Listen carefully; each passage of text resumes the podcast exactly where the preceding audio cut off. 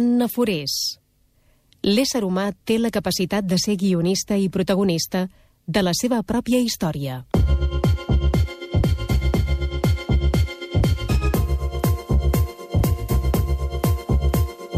En els últims anys ha anat circulant un concepte dins del món educatiu que és la resiliència.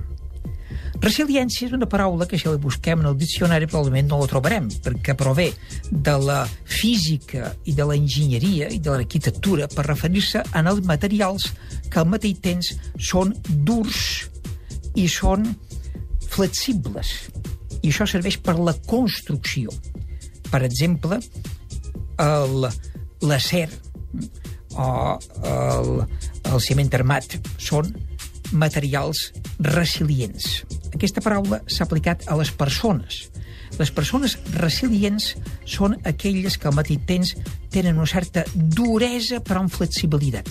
Duresa per fer front a les adversitats i flexibilitat per adaptar-se a l'entorn. I aquests elements que tenen que veure amb altres competències amb les quals s'hi relacionen, entre elles hi ha adoptar una actitud positiva davant la vida, eh, tenir capacitat de mantenir bones relacions amb altres persones, eh, intel·ligència emocional, etc. ajuda, en el fons, a ser feliç. Una persona en resiliència a vegades s'ha comparat amb un tap de suro, un tap de suro que enmig de la tormenta no s'enfonsa, a vegades hi ha persones que davant les adversitats diuen estic enfonsat, o aquesta persona s'ha enfonsat davant l'adversitat.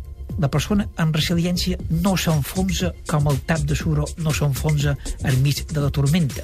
I malgrat les adversitats, té recursos que tenen que veure sobretot amb l'actitud positiva davant la vida, malgrat tot, eh, que ajuda a mantenir una felicitat malgrat tot. I espero que els oients entenguin què vull dir quan dic malgrat tot.